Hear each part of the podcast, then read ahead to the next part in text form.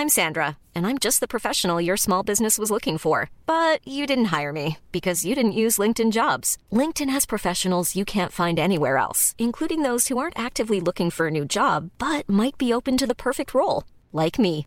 In a given month, over 70% of LinkedIn users don't visit other leading job sites. So if you're not looking on LinkedIn, you'll miss out on great candidates like Sandra. Start hiring professionals like a professional. Post your free job on linkedin.com/people today. Hey, it's Ryan Reynolds, and I'm here with Keith, co star of my upcoming film, If, only in theaters, May 17th. Do you want to tell people the big news?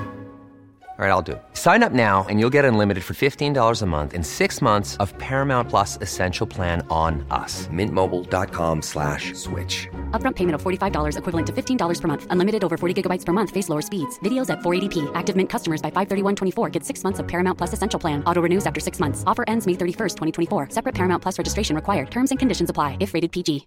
One size fits all seems like a good idea for clothes until you try them on. Same goes for healthcare. That's why United Healthcare offers flexible, budget friendly coverage for medical, vision, dental, and more. Learn more at uh1.com. Hur fan sitter du då? Ja, men jag måste ju se dig. Jaha. Det känns Ja, så nu, konstigt. ja. Ja, ja. Ska jag sitta Ja, och jag kolla tänkte- på dig Ja, där? det kan vi göra. ja, kanske det. Det här är fan high tech alltså. Okej. ja. Are you kidding me?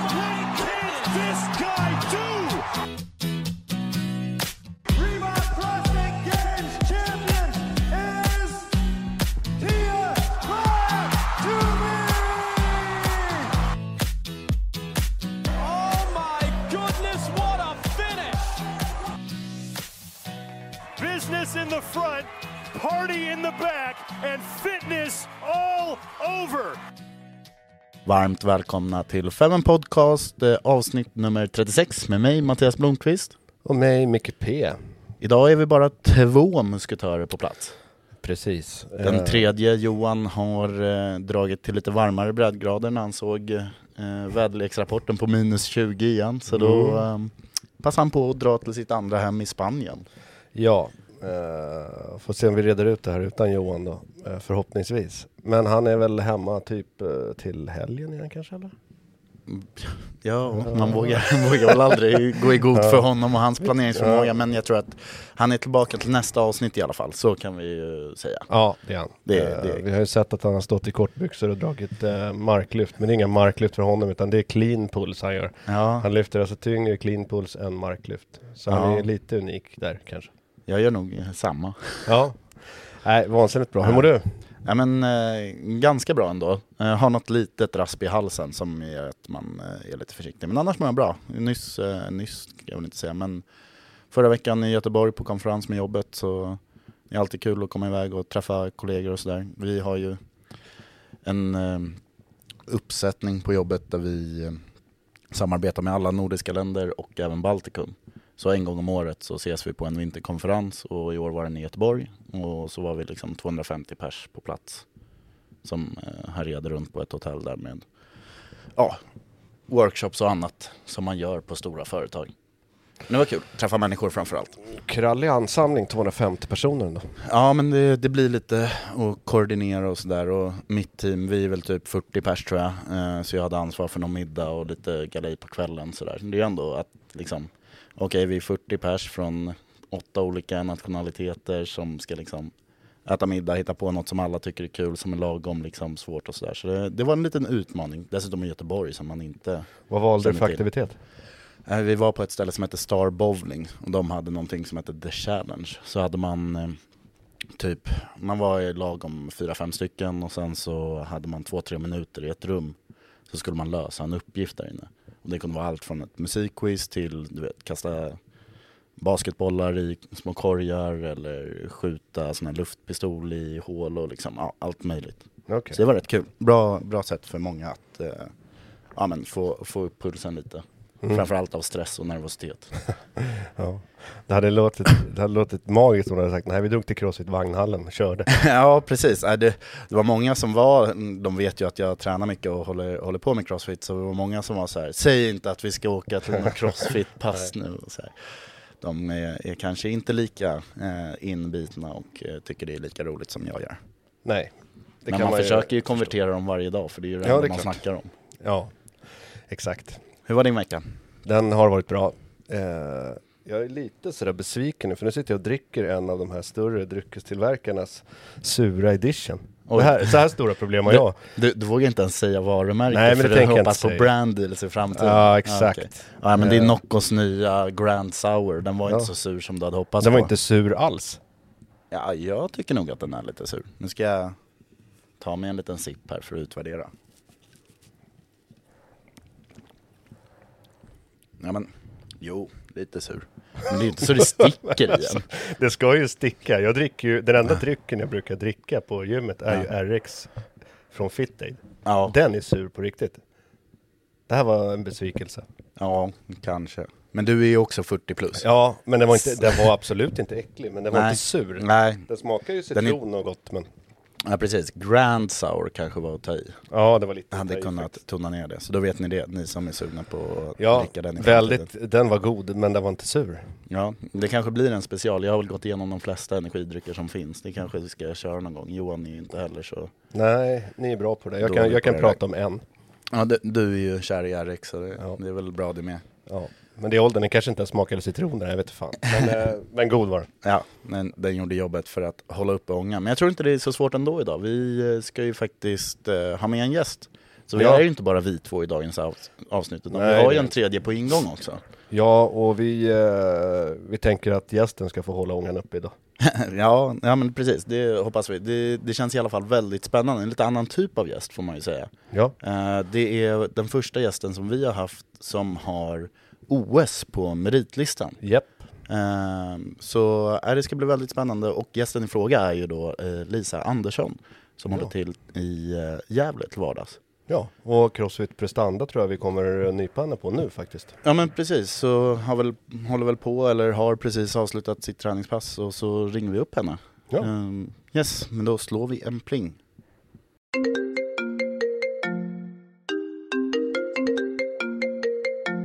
Då får vi säga hej och välkommen till eh, Lisa Andersson till Feven Podcast.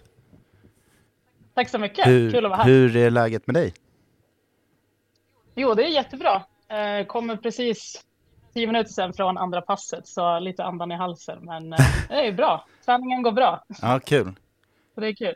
Mm. Vad är det för, för träning du kör om vi, om vi stoppar till där direkt? Är det någon speciell programmering eller kör du eget eller? Eh, nu kör jag kriger och det börjar med efter kvartsfinalerna förra året. Eh, och innan det körde jag väl Wii Program i ett år ungefär. Eh, men ingen, inget individuellt så, men lite anpassat så. Ja, ja. Ja, okej. Och eh, så vi till kriger och sen så har du funderat då på att eh, ta någon individuell an- anpassning eller är det liksom eh, funkar bra med det som du kör nu och lägga till det som du själv vet om kanske? Eh, ja, alltså vi, de är jätteduktiga på kriger och eh, väldigt tillmötesgående så att vi har ju liksom kontakt med Joakim Rygg där då. Eh, så jag har varit där nere i september, var där en vecka. Planerar väl in inom snar framtid och åka dit igen. Så jag har ju ingen direkt så här individuell prog, men både jag och Viktor anpassar ju mycket Eh, efter vad vi behöver mera. Eh, till exempel jag behöver träna på dragstyrka mera och ovanför huvudet och egentligen all gymnastik så att det finns utrymme för att eh, träna på det jag behöver förbättra så att säga och fylla mina svagheter eller hål så att säga. Så eh, det lägger jag väl till ganska mycket nu. Eh, Men eh, generellt så kör man en generell prog, prog då. Eh, Men ingen individuell direktprog för just för tillfället. Men kanske inom snar framtid, absolut. Ja, men du verkar ju ha en ganska gedigen eh, träningsvolym idag. Eh, vi tänkte vi skulle börja från början. För det var inte Crossfit du startade med riktigt, utan eh, du är en av, eller du är vår första gäst som faktiskt har varit med i OS och dessutom kommit på en sjätte plats va? Ja, precis. Ja, Hur började det det tog en här? vändning i sport. Ja, kan du ta oss tillbaka? Hur började din Eh. träningsbana liksom och hur hamnade du i skidorna? Jag har ju åkt skidor hela livet skulle jag säga. Pappa eh, var väldigt eh, inställd på att vi skulle åka skidor. Han älskar ju det. Så att vi köpte egentligen husvagn i Lofsdalen och sen flyttade vi den till Funäsdalen. Sen åkte jag alpint eh, väldigt mycket, så jag hade väldigt stöttande pappa och familj. Eh, så då var det alpint egentligen hela vägen fram till det där valet när man ska börja gymnasiet. Eh, där så skulle jag gå i Gällivare. Jag var så här helt 100% inställd att det är det enda stället jag vill gå på för att jag trivdes så himla bra där när jag var och testade och praoade som det heter. Mm. Eh, och det är ganska hårda intag. Jag vet inte om det var kanske tre tjejer i Sverige som kom in. Oj. Eh, och så hade inte jag sökt någon annanstans eh, i sin ålderskategori, då, så alla 97 då. Mm. Eh, och så hade inte jag valt något annat, så jag hamnade ju längst ner på den där listan. Så uh, det fanns, jag var liksom hamnade mellan stolarna kan man säga. Uh, och då bara, men gud, jag kan inte sluta åka skidor, för det var i mitt liv mm. liksom. Uh, jag var ju mer i skidbacken än i skolan. Så då hörde en skola av sig i Torsby, Helmut Grassel som var alpintränare då och skikross och bara, ja men kom till oss, du kan få kombinera alpint men du måste åka skikross. Och jag bara shit, jag hatar ju hoppa så jag är livrädd för att hoppa och vara i parken. Och pappa bara, nu, nu är det bara att köra. Eh, och jag var ju väldigt velig innan på sommarlovet. Jag var ju livrädd rent ut sagt. Men jag hoppade på det, så gick jag i Torsby i fyra år det gick ganska snabbt tills att jag blev liksom eh, uttagen och fick vara med på läger inför VM och sådär. Eh, och känna på att åka på större banor. Det är ganska svårt att få till stora banor. Det kostar ju väldigt mycket pengar liksom att få till en skikrossbana. Ja. Eh, mycket tid i pistmaskin och snö och backar mm. som ska till. Så att det kräver ju att man samarbetar liksom. Eh, sen vart det väl, jag är så himla dålig på årtal, men jag vet att min första världscuptävling var i Arosa i Schweiz. Jag kanske gick i tvåan eller trean i gymnasiet. Eh, och sen vart det bara mer och mer. Jag åkte Europacup och sen eh, vart det liksom världscup eh, väldigt snabbt. Då. Så att de fiskade upp mig väldigt tidigt de såg väl potential, fast inte jag såg det kan man säga. Och här var du liksom 16, ganska... 17 år då? 18 år någonting? Ja, precis. Jag gick i gymnasiet. Ja. ja, precis. Uh, så att det var ju mycket skidåkning. Jag var inte så mycket i skolan. Så det var ju redan i gymnasietiden jag åkte eh, världscup då. Eh, så det gick väldigt fort. Jag var väldigt ung ska jag säga. Eh, och Första året var ju kämpigt. Jag kombinerar ju alpint både med skikross, eh, vilket jag liksom stod mellan två. Liksom. Jag kunde inte riktigt välja. Sen insåg jag hur roligt det var när man väl lyckas släppa på de där mm. mentala spärrarna. Att shit, det här är skitkul. Ja. Liksom. Man fick ju alltid ett. Eh, så att sen vart det ju bara skikross. Men kan du inte berätta eh, för de som inte vet då, vad, vad hur skikross funkar? För att där kör man ju mer utslagstävlingar, eller hur? Om man kör i hit och det är inte riktigt samma som i alpina, där man åker en och en. Nej, precis. Så att om vi säger att det är en tävling eh, någonstans, eh, då får man åka dit och träna kanske två, tre dagar. Då kanske man har eh, tre åk per dag säger vi, beroende på hur snöförhållanden är, hur mycket man vill spara på banan. Och då åker man precis som man vill. Ofta så åker man själv kanske först och sen teamar man ihop sig med något land. Vi eh, samarbetar mycket med Frankrike så att då åkte man ihop för man kände varandra liksom och man hade varandra. Sen eh, var det kvalåk och då åkte man själv. Eh, så det är väl det som är mest likt alpint. Så då sidar man sig. Så man åkte ett kvalåk ensam. Sen så räknar man ut stegen efter det. Eh, så första heaterna, då kör man fyra stycken. Då liksom paras man ihop beroende på vad man hade för kvaltid. Då. Och de första, av två första av fyra så kommer i mål går ju vidare mm. till nästa heat. Då. Eh, så att det är utslagningstävling till final då, så att säga. Så att snabbast ner vinner fyra personer mot varandra. Eh, och det är ganska likt crossfit skulle jag säga. Det kan ju vara alltså precis var som helst. Eh, det är ju liksom anläggningen och fisk som gör själva banan. Sen hur de gör dem, det är. Det finns ju riktlinjer, men det är liksom lite surprise. Man vet ju hyfsat så här, ja, men den här anläggningen brukar bjuda på det här. Ja. Eller, så liknande. Men eh, det är man mot man eh, sen. Jag tänkte precis fråga dig om det fanns, eh, just eftersom ja, men snö och backar kan ju se väldigt olika ut vart man sätter upp det och hur, liksom, hur lika det är. Men du svarade ju precis på det att eh, då, det, det, det är väldigt olika helt enkelt. Eh, beroende Ja, på snömängd ja, och hur precis. lutningar är tänker jag. Ja. Eh, Som typ till exempel i Idre, där visste man att så här, halva banan var rakt ner. Eh, Ja.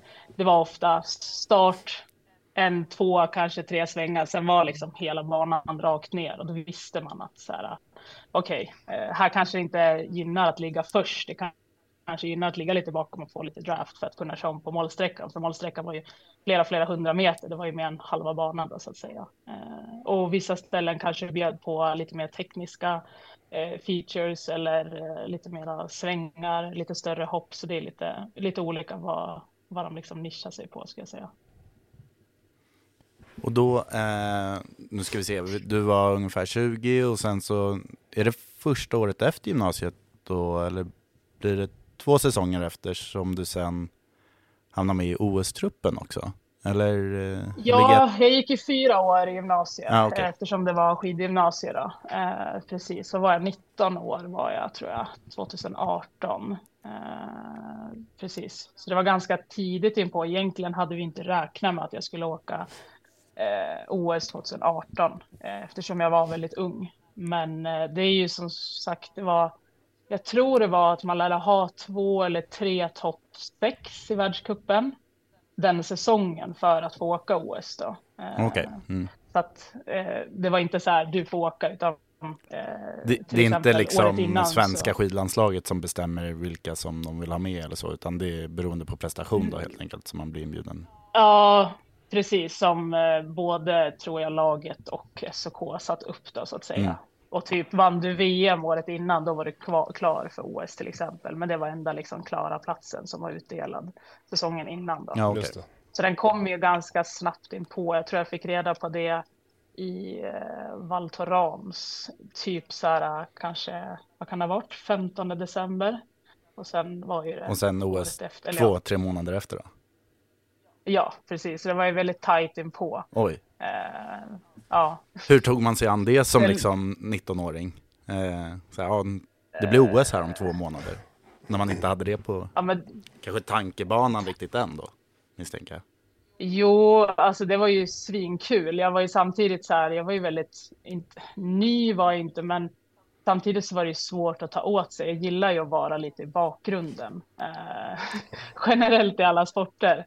Eh, så det var ju svårt att kanske förstå hur stort det var när jag väl var där. Att så här, nu när man tittar tillbaka så hade jag ju nog kanske hanterat det eh, bättre idag. Ja. Eh, man skulle kanske, jag skulle nog vilja ha haft lite mer kött på benen för jag var så ung. Men samtidigt var det skönt på ett sätt för jag tog allt med så här, fan vad kul. Ja. Eh, jag var inte så här nervös så jag höll på att dö innan utan jag tänkte så här, ah shit nu får jag en till chans liksom lite tidigare än vad jag hade räknat med. Så att det var ju sjukt stort men det var också så här, eh, jag kanske var lite ung och, ung och dum.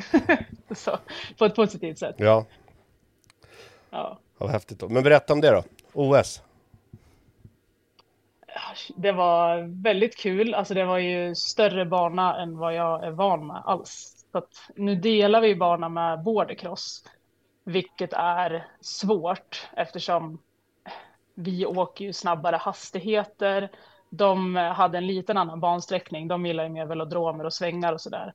Eh, Så det var ju, det var ju lite läskigt. Jag ska inte sticka under stolen med att man var liksom man åkte ut och bara shit det här är askul. Man är ju skiträdd och nervös första åket. Man har ingen aning liksom. Ja. Hur mycket fart ska jag ha? Jag är ensam liksom. Kommer jag eh, liksom missa landningen? Kommer jag kunna trippla de där eh, rullarna eller vad ska jag kunna göra?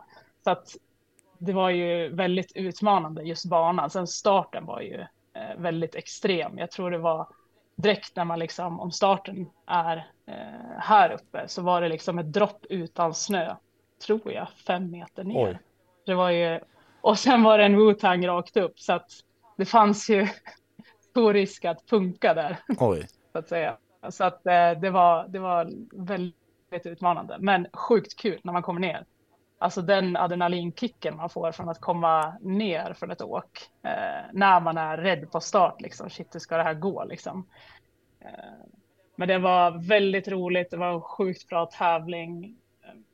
Man fick ju göra grejer som man vanligtvis inte får, liksom träffa människor eh, från alla världsdelar Mm. och sånt där. Så att, ja, så, typ en rolig grej. Vi satt och kollade, vi delade upp dam och herr, för det var väldigt, eh, det var snöfall så att det gick ganska sakta i banan. Så vi delade upp det, så herrarna körde en dag och damerna körde en dag. Så satt vi på läktaren och jag bara, oh, men gud, det kommer någon kvinna, hon ser viktig ut. Och jag bara, ah, vad gör du för någonting? Och det var det, vad var det, var en utrikesminister? jag hade ingen koll. Du ser viktig ingen ut. Koll. Ha, ha lite ansvarsområden ändå att- täcka liksom. Det är väl bara Ja, bra i och för sig. Grejer. Det finns tillräckligt att tänka på ändå tror jag. Ja, och så här, jag vet farmor bara, Gud, satt du med kungen? Vad sa du till han liksom? För vi fick sitta med han under hela eh, dagen när killarna körde. Ja, ja. Och jag bara, "Ah, gillar du att köra puder liksom? Han bara, "Ah, det är nice. Ja, Det, det är ju ju speciellt väldigt- ändå liksom. Väldigt kul. Vad häftigt. Så kungen föredrar Ja. puderåkningen. Ja. yes. Ja. Men det slutade OS med en sjätte plats. ja, precis. Det måste ju vara otroligt bra. Ja, alltså jag var, jag var väldigt nöjd. Jag tror mitt kvalåk var sjukt dåligt. Jag vet på start att våran eh, förbundskapten bara, men gud, nu måste du liksom samla ihop dig själv om du verkligen vill det här. Jag tror jag var på typ 21 plats på kvalet. Eh, jag var väldigt osäker. Eh, så att eh, det var väldigt mentalt liksom utmanande att våga eh, liksom trycka på och släppa på de här bromsarna man har. Så att jag är väldigt nöjd på sån pass stor och teknisk bana att eh, jag kom sexa. Eh, för det var mycket på vägen som ställde till det. Eh, som, ja, många grejer som hände under den här veckan. Att så här, fick knappt någon sömn. Eh, det var dåligt väder. Vi fick till dålig träning. Eh, det var väldigt spänd stämning liksom generellt för att många var där av anledningen att plocka hem ett OS-guld. Mm, ja. Så att det var liksom väldigt, det var en jobbig stämning för alla där. Eh, Det var liksom inte, woho, nu är vi här, nu kör vi, utan det var, det var mycket som stod på spel och jag var lite mitt emellan att så här, shit, nu kör vi och har kul. Så att jag visste liksom inte riktigt vad jag skulle placera mig själv, tror jag. Och det har ju mycket med min osäkerhet, liksom när jag var så ung också. Så det var så här, "Ah, jag är skitnöjd. Ja. Ja men liksom elitidrottare där alla vill göra sitt yttersta för att vinna Ja. misstänker. Så kan, det är inte så konstigt kanske att det blir lite, lite tuff stämning runt omkring också, eller tillknäppt eller vad man ska säga. Ja, precis. Så att, nej, men jag är nöjd med min insats och mm, jag lyckades ändå liksom eh, vara nöjd med min insats trots att liksom många andra var helt liksom förstörda. Eh, så att, nej, det, var, det var en sjukt rolig tävling och rolig upplevelse att ha med sig. För mig som har lite dålig koll där, hur många är det som eh, först är med i första kvalet eh, på OS? Är det 30 stycken som åker i första eller är det? Mm, det beror på. Generellt så var det mer killar i startfältet. Eh, men jag tror att alla gick vidare till på tjejsidan. Annars så brukar det vara 16 damer som går vidare från kvalåket Okej. och 32 herrar. Okej. Eh, så går det inte vidare från kval, då är man liksom ute. Mm. Eh, ja, det blir motsvarande åttondelsfinal och kvartsfinal då. Alltså, Ja, precis. Killarna körde generellt 32 steg och damer 16. Då. Ja. Så att de körde alltid ett till hit än oss eftersom vi var lite färre Mm. eh, åkare. Då. ja. Yes. Men eh, efter OS och det, planen var väl att fortsätta åka skidor gissar jag och göra fler OS-tävlingar eller? Ja, det var det absolut. Eh, det var ju liksom min stora dröm. Jag eh, har väl inte riktigt sett att det finns ett liv utanför just skidåkningen och idrottandet. Så att, eh, det var väl 2018 OS, sen 2019 gick det ju det gick väldigt dåligt ska jag säga på försäsongen. Jag hade sjukt många tunga dagar. Eh, jag läste igenom det innan min, jag hade en liten dagbok. Det var inte många dagar som var positiva där, men sen lyckades jag ändå knipa min första pallplats i, eh, vad var det, februari 2019. Eh, sen ganska snabbt efteråt så eh, innan världscupfinalen skulle vara så hade vi en liten tävling i Gopsus i Mora. och där, där vart det en krasch på ett litet, litet hopp. Eh, det var liksom en tävling för ungdomar eh, barn och så oss också. Det hade frusit på ganska mycket under natten så att den där kicken flög jag förbi landningen långt ja. efteråt. Det var ju ett sjukt litet hopp så det känns ju så här efterhand så jäkla onödigt. Men eh, kraschar, eh, jag lyckades vrida liksom och kroka fast i Sandra på ett träningsåk. Eh, och sen bara var det ut i snön och knäna vred sig och hit och dit. Sen så fattade jag ganska snabbt att så här, shit, det här, det här är inte bra eh, med knät. Men det hände så pass mycket i kraschen, alltså jag varit ju så omtumlad så jag tänkte ändå så här, jag hade ju hoppet uppe mm. att det inte var korsbandet. Eh, sen tog det väl typ sex dagar innan jag kom till Sofiahemmet och gjorde magnetröntgen.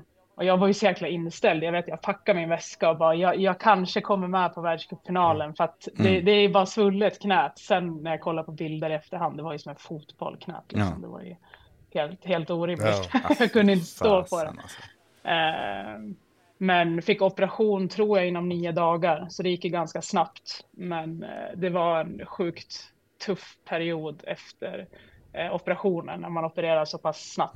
Mm antingen så väljer man ju ofta att operera direkt eh, eller vänta och träna upp det. Och vi opererar ju sjukt snabbt, ja. vilket gjorde att både traumat från kraschen, alltså svullnaden och allting, plus operationen.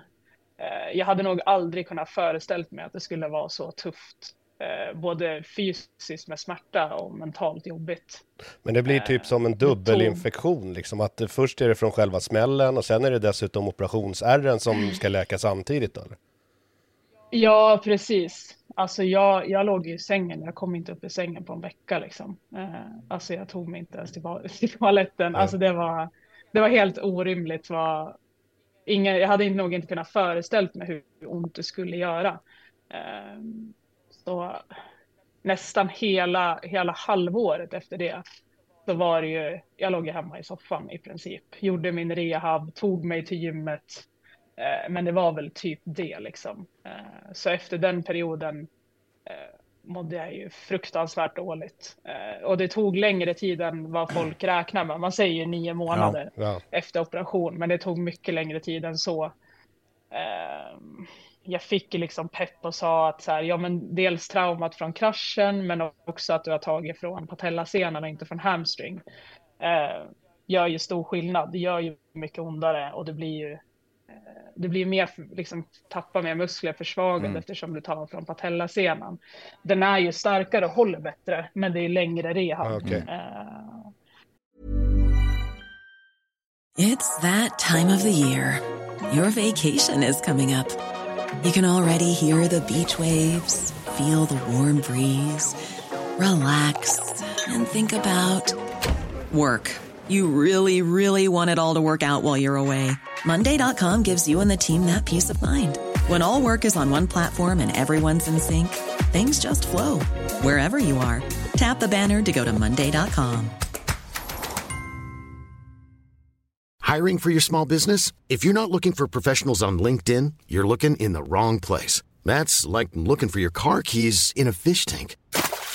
LinkedIn helps you hire professionals you can't find anywhere else, even those who aren't actively searching for a new job but might be open to the perfect role. In a given month, over 70% of LinkedIn users don't even visit other leading job sites. So start looking in the right place. With LinkedIn, you can hire professionals like a professional. Post your free job on linkedin.com slash people today.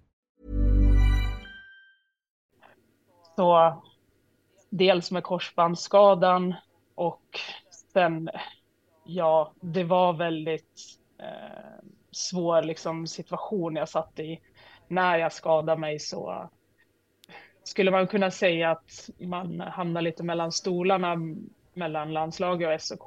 Eh, att de hade liksom eh, outrett vad som gällde och inte. Mm. Så att från att vara liksom 100% stöttad ekonomiskt och liksom försäkring och allting så tog de bort allting det under den här perioden jag var skadad. Mm. Eh, vilket gjorde liksom, ja, man kan ju säga att hela min värld rasade liksom. Jag hade ingen som stöttade mig längre. Ja. Eh, så att det vart liksom, det var väldigt mycket i mitt liv då som eh, bara liksom drogs undan från mig. Ja. Så att jag tappar ju förtroendet för både SOK och landslaget för att eh, de inte kunde eh, komma överens emellan sig helt enkelt. Då. Mm. Eh, Och då blir så det... jag fick ju reda Ja, precis. Men alltså, det, jag fick reda på att jag inte skulle vara stöttad av, SOK längre i augusti tror jag. Och det här beslutet tog de i maj.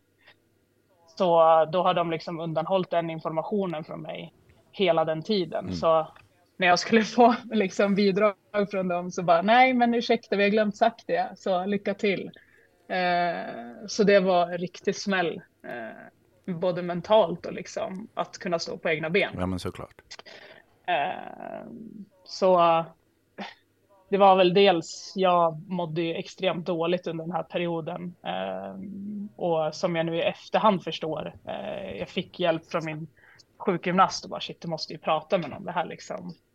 Men jag tror i liksom just det, perioden i mitt liv och så ung jag var och i ett lag där man kanske inte förstår att psykisk ohälsa eh, ja men det behöver vi prata om, eller Mm. det behöver vi hjälpa folk med. Så blev jag istället ganska, löste det där på egen hand och så, ja, var för dig själv i ett hörn lite grann. Det var den responsen jag fick från de flesta. Eh, så det var ganska svårt att liksom, ja, jag tappade helt förtroende för alla runt omkring mig som eh, förut stöttade mig. Eh, så det var både, det var liksom allting egentligen som eh, påverkade hela liksom, eh, mitt skidåkande och karriär och så. Det låter ju jättekonstigt för en utomstående liksom att det inte finns planer för en rehab på en av sina elitatleter som man faktiskt har haft både med sitt landslag och i, i eh, OS-kommittén. Liksom. Alltså det, är- det är jättemärkligt att det inte finns eh, någon slags mall att förhålla sig till, för det borde man ju ha kan jag tycka. Ja, och det jag, jag gjorde ju liksom, jag var ju helt tokig den här perioden. Jag bara, men det här, så här kan det inte vara. Jag vet att jag, jag hade ett möte med då som SOK, eh, ja, chefen eller vad man säger det. Eh, och han sa typ, lycka till, jag tror du fixar det här på egen hand. Man bara, okej, jag ska försöka dra in de här pengarna helt själv liksom. Och jag har noll liksom stöttning från er. Och, Eh, fast jag uppfyllde alla deras kriterier. Eh, Man kan ju inte tävla när man är skadad liksom. Så att jag uppfyllde alla kriterier tills att jag skadade mig. Sen så bara struntade de i det. Och eh, det var från båda sidor. Laget sa att de inte har informerat om medan SOK sa att eh, deras uppdateringar kring eh, deras, eller deras atleter inte hade uppföljts. Då. Eh, och då hamnade det på mig, liksom, att jag fick ta smällen. Och då kände jag bara nej, det är liksom, eh, det funkar inte om man ska liksom ha folk runt omkring sig som man inte kan lita på riktigt. Eh, Nej. så det var jäkligt tråkigt och det är någonting jag ångrar idag, att jag inte stod upp för mig själv lite mera. Eh, eller att jag tog tag i det bättre. Eh, men eh, det är svårt. Ja, det är inte så lätt om man vad inte säger- har åldern heller och så mycket erfarenhet av vad som är vad kanske. Ehm, Nej, precis. Men hur, Så hur kom du ur det här då? Fick du hjälp sen och hur gick du vidare från hela skadeperioden och att du har mått dåligt och vad hände? Eh, Jag fick hjälp via, så länge jag hade den här försäkringen via SOK så gick jag till, ja vad säger man, psykolog eller utredare i Stockholm då. Eh, med, vad heter det, försäkringen jag hade. Så där fick jag jättebra hjälp. Eh, Men det tog ju lång tid för att jag hade inte liksom accepterat så här, shit jag är fasen deprimerad. Men det var ju skönt när man liksom, okej, det är inte mig det är fel på liksom. Eh, så att det tog ju ganska lång tid och jag stack väl liksom huvudet i sanden lite grann att så här, nej men nu, nu kör vi på bara. Och det var väl så egentligen jag hittade, när jag väl kunde göra grejer igen så vart det ju liksom, jag tror det var pandemin började så började jag med tyngdlyftning. Eh, Då vart det ju liksom det istället och jag hade ändå förhoppningar om att så här, det här ska lösa sig. Eh, jag ska kunna liksom komma tillbaka på något sätt. Men jag visste liksom inte hur. Eh, sen vart väl det min flykt liksom. Jag ville ha någonting att göra. jag ville ha en mening liksom och någon idrott att utveckla mig. Ja. Så att eh, då vart det liksom tyngdlyftningen eh, och sen liksom slussades in i i crossfit då. Eh, Vad var det här Men jag har liksom aldrig... Var var du då Vad någonstans? När du började med tyngdlyftning och sen att det blev crossfit. Vart var du då? Bodde du i Stockholm? Nej, jag har alltid bott i Gävle, eh, men jag började på Fyshuset eh, och körde tyngdlyftning där. Eh, blev väl också så här inkastad och bara hej, det här, det här är Julia, du ska lära dig av henne. Och Julia bara absolut, nu kör vi. Sen körde jag deras eh, tyngdlyftning varje dag som vi körde ihop i grupp i typ ett år kanske. Och var det då som ett steg alltså från din, din rehab och sen så okej, hur, hur går det vidare framåt? Eller var det liksom rehaben lagd åt sidan, nu, nu ska jag bara börja träna ordentligt? Nej, det var väl, jag tränade ju fortfarande när jag var skadad så tränade jag två pass om dagen eh, hyfsat. Sen så tappade jag liksom motivationen där liksom när jag mådde jäkligt dåligt. Så då gick jag över till att så här, okej, nu ska jag rehabba plus eh, lära mig tyngdlyftning helt Ja, enkelt. okej. Mm. Alltså jag hade ju, jag hade ju ryckt förut, men våran fystränare sa åt mig att nu får du sluta för det där är ju fruktansvärt dåligt. så jag visste ju knappt Ja. vad en 15 och 20 kilo stång var. Jag tänkte att 15 kilo stänger var för klenisar. Så, att, eh, så mycket kunskap hade Ja. jag. Eh, sen vart det ju att jag körde tyngdlyftningen eh, i princip varje dag tillsammans med rehabben och sen bara kände jag att så här, nej, jag vill träna mer. Liksom. Mm. Så då gick jag på till två pass igen och då bara kom jag på grejer. Alltså så här, inte vet jag, 50 wallballs, 50 dumbbell snatch, eh, inte vet jag, 50 kalorier rodd och sen så bara körde jag. Tänkte så här, vem behöver en programmering? Det behöver man ju inte. Det är bara att träna. Det är bara att köra. Gör jobbiga saker så blir Ja. ju träningen gjord. Liksom. Ja. Ja, och sen insåg jag att så här, men shit, det här är kul och jag tränar, jag låg i. Sen insåg jag att jag kan inte fortsätta här om jag ska liksom utvecklas, för vi hade bara roddmaskiner då. Så jag rodde ju liksom varje dag. Jag vart ju så less. Så då åkte jag runt till olika gym här. Jag åkte till Sporthuset. De hade en box. Eh, inte en kotte där, så jag var helt ensam. Eh, så då bara nej. Jag åker till Crossfit Prestanda. Jag hade en kompis som tränade här och så bara, men gud, ska jag verkligen börja här? Och sen eh, testade jag ett pass liksom och körde. Eh, och Viktor och Mackan körde ju då, deras hundar var här och jag bara, men gud, det är folk här som tränar på dagarna. Så bara, men gud, här måste jag ju vara. Mm. Så att då bara, jag signar kort nu. Hoppar in direkt. det var, liksom. var, ja. Eh, och sen eh, körde jag här. Eh, blev det kanske någon månad efteråt så frågade Viktor om jag ville vara coach. Men alltså, jag, jag gjorde ju boxjump utan att sträcka ut knäna och höften. Eh, när jag gjorde boxjump over, då gjorde jag typ en 360 när jag hoppade ner. Alltså jag hade ju noll koll. Alltså regler, det fanns inte. Jag slängde runt 20 kilo säcken, så här shoulder to, vad heter det, shoulder, vad heter det? Nej, sandbag over shoulder med 20 kilo. Och bara shit, det här är tungt. Och sen såg jag någon tjej med 50 kilo och jag bara oj. det är så där man ska göra. Så att det tog ju lite tid att vänja sig, men eh, sen gick det ganska snabbt eh, när man lärde sig alla regler och vad crossfit innebar liksom. Men hoppar du på coachingspåret på en gång? Ja, ganska snabbt. Eh, jag vet att jag var ju väldigt nervös, så jag satt ju och kollade när Viktor hade pass. Alltså flera luncher, flera dagar i veckan och bara gud, det här kommer inte jag palla.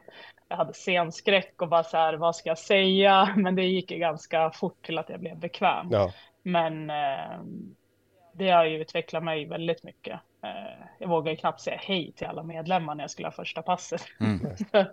det har hänt mycket. Så det, var, det har lärt mig sjukt mycket om sporten också, att coacha i det. Ja. Men din egen träning då? Du tränade klasser och du, eh, du körde med lite lättare sandsäckar och du, eh, sen har ju du accelererat ganska mycket i din crossfit-träning också kan man säga. Ja, alltså det har ju gått väldigt liksom fort fram nu senaste året. Eh, men, ska jag säga? Alltså jag kämpar ju på jäkligt mycket i början. Det var ju, det var ju väldigt tufft. Sen styrkan har jag alltid haft med mig liksom. Ja. Eh, jag har alltid varit explosiv och stark så. Sen har ju flåset alltid varit liksom mitt problem och jag har inte varit så smidig, alltid fått liksom höra att så här. Ja, jag är inte den smidigaste och lättaste personen liksom, så att jag har inte riktigt trott på mig själv heller när jag har eh, kört liksom med gymnastik och sånt där. Jag tänkte jag kommer aldrig kunna gå på händer liksom eller göra- muscle ups. Så det har ju kommit på senare tiden. Ja, jag såg ju något klipp när du gjorde ringmuscle-up här på din Insta och så blodigt ser det inte ut längre faktiskt. Ja, det känns som att gymnastiken har släppt lite i alla Ja, fall. det har släppt lite. Ja, det vart ju egentligen eh, efter förra, förra kvartsfinalen eller Open.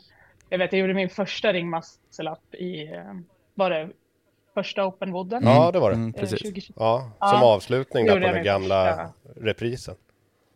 Ja, precis. Så att då gjorde jag min första ringmuscle-up och året innan gjorde jag min första bar muscle-up. Så det är så här, det händer på Open känns det som. Och sen får jag träna på det under När man verkligen måste göra det. andra hösten.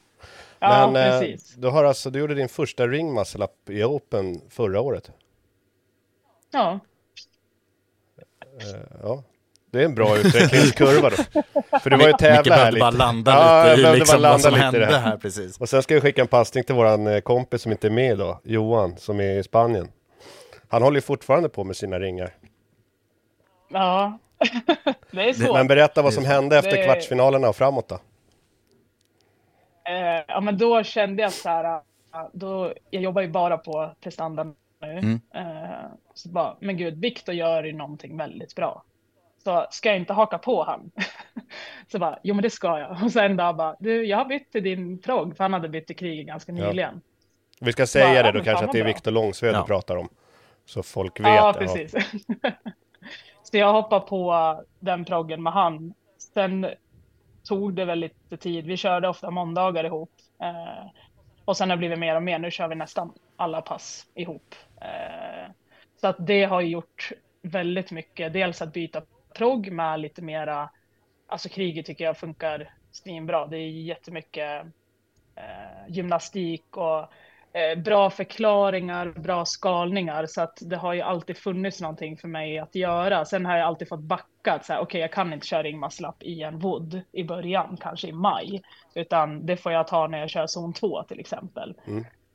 Så att det har ju hjälpt mig väldigt mycket att alltid ha någon bredvid och liksom prata med och bolla med. Så att det skulle jag väl säga att jag hoppar på Viktors progg och kan träna med han har ju gjort att det är sjukt roligt. Eh, att träna, Ja. att få träningen gjord eh, och göra det mer seriöst. Så jag har aldrig liksom eh, vågat sagt att så här, jag vill komma så här långt, utan jag bara så här, ja men det går bra och det har gått väldigt fort så att eh, det är ju extremt roligt. Jag älskar ju att tävla. Sen har jag liksom inte haft något mål med det. Jag har bara kört på så länge jag tycker att det är kul.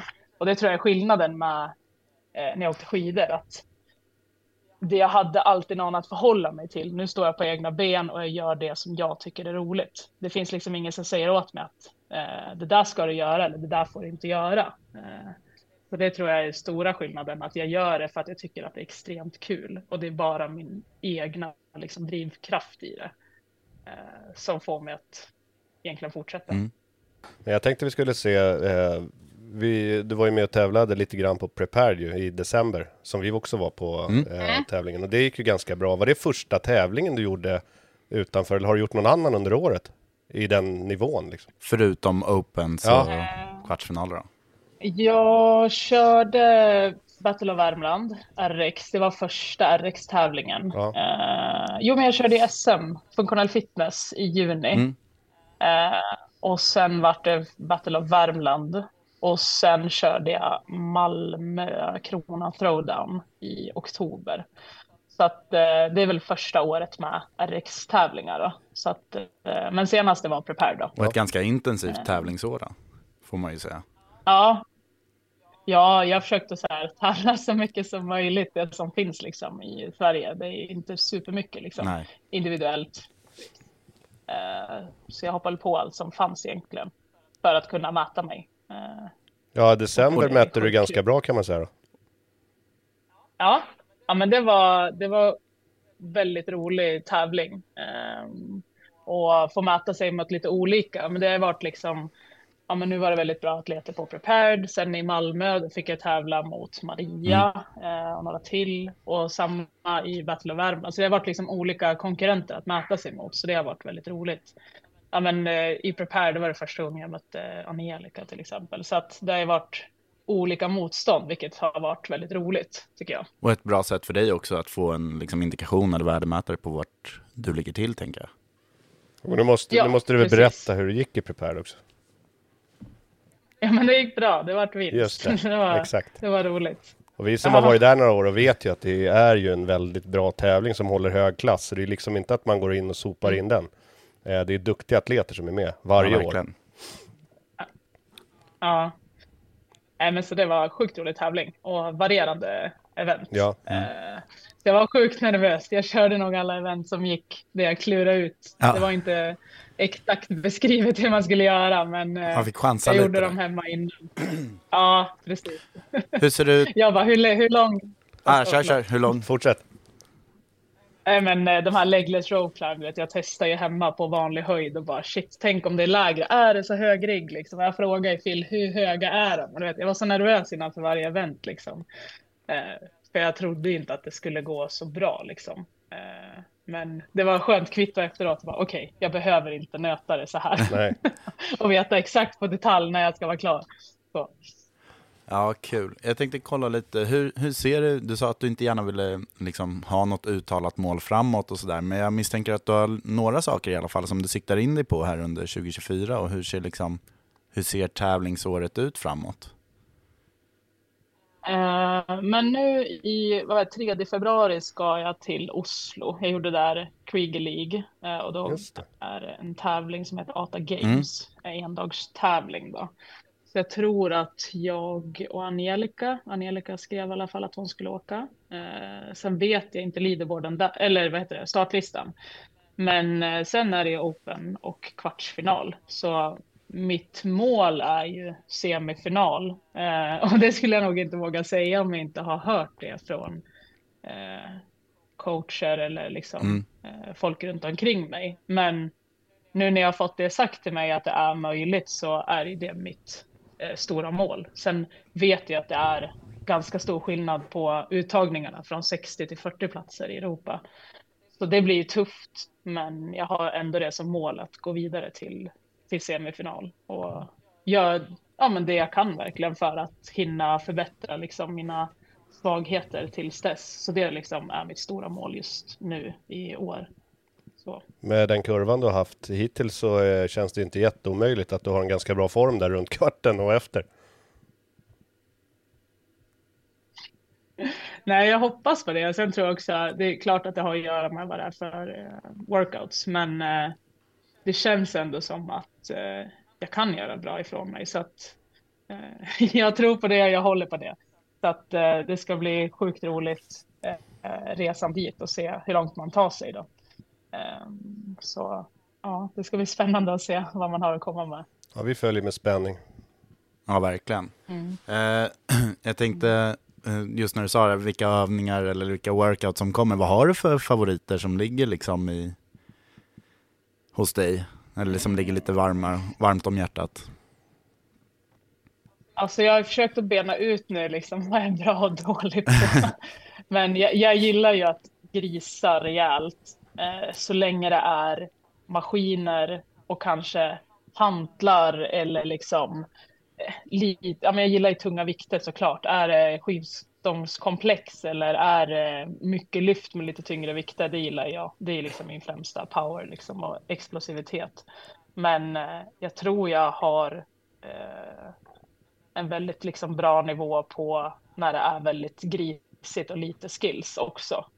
Ehm, så jag gillar gärna när det är lite mindre reps av kanske uh, ringmuscle up eller wallwalks eller så. Jag klarar av det, jag hanterar det bättre nu, men ehm, jag blir rätt alltså, slut när det blir liksom 10 wallwalks. Ja. Då, är- då är det ganska Ja. högt. Eh, så, eh, Men ett kvitto på en bra Men- workout brukar ju vara när du tittar på den och ser att det här kommer jag att må väldigt, väldigt dåligt av.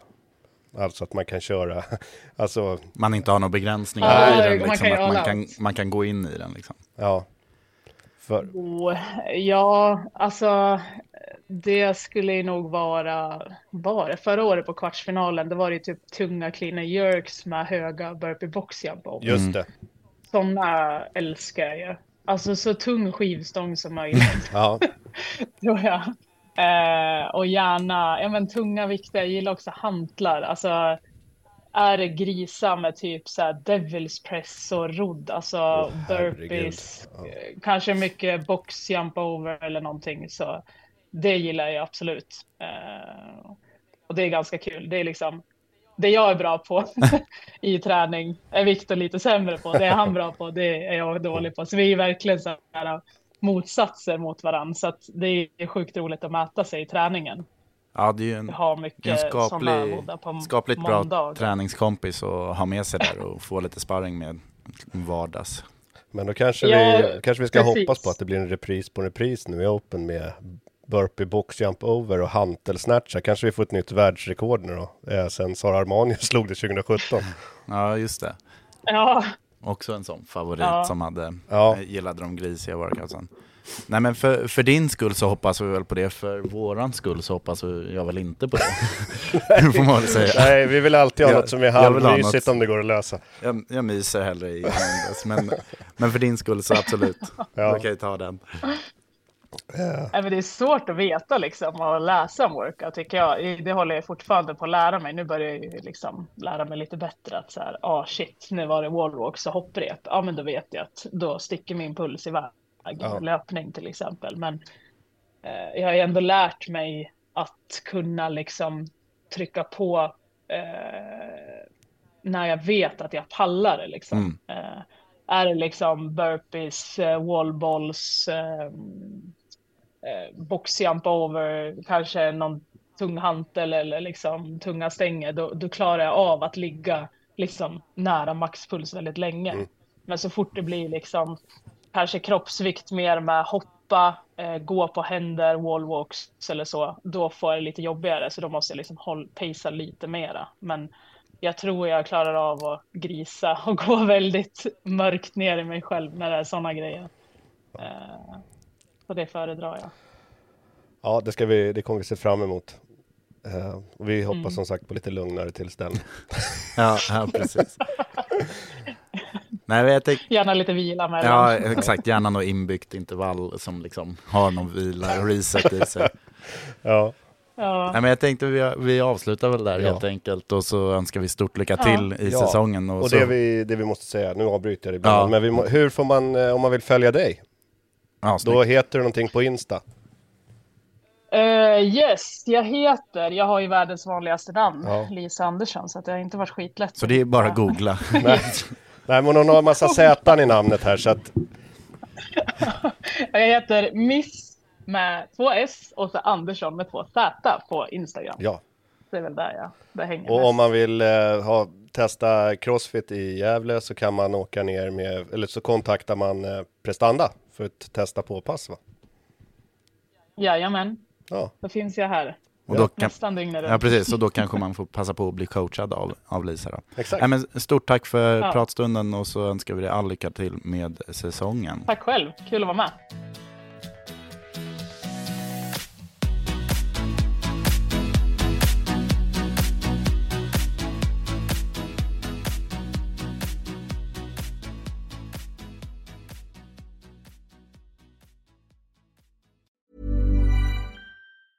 Mom deserves the best, and there's no better place to shop for Mother's Day than Whole Foods Market. They're your destination for unbeatable savings, from premium gifts to show-stopping flowers and irresistible desserts. Start by saving 33% with Prime on all body care and candles. Then get a 15-stem bunch of tulips for just $9.99 each with Prime. Round out Mom's menu with festive rosé, irresistible berry chantilly cake, and more special treats. Come celebrate Mother's Day at Whole Foods Market. Hey, it's Paige DeSorbo from Giggly Squad. High quality fashion without the price tag. Say hello to Quince. I'm snagging high-end essentials like cozy cashmere sweaters, sleek leather jackets, fine jewelry, and so much more. With Quince being 50 to 80% less than similar brands. And they partner with factories that prioritize safe, ethical, and responsible manufacturing. I love that. Luxury quality within reach. Go to quince.com slash style to get free shipping and 365 day returns on your next order. Quince.com slash style. Mom deserves the best, and there's no better place to shop for Mother's Day than Whole Foods Market. They're your destination for unbeatable savings, from premium gifts to show-stopping flowers and irresistible desserts. Start by saving 33% with Prime on all body care and candles. Then get a 15-stem bunch of tulips for just $9.99 each with Prime. Round out Mom's menu with festive rosé, irresistible berry chantilly cake, and more special treats. Come celebrate Mother's Day at Whole Foods Market.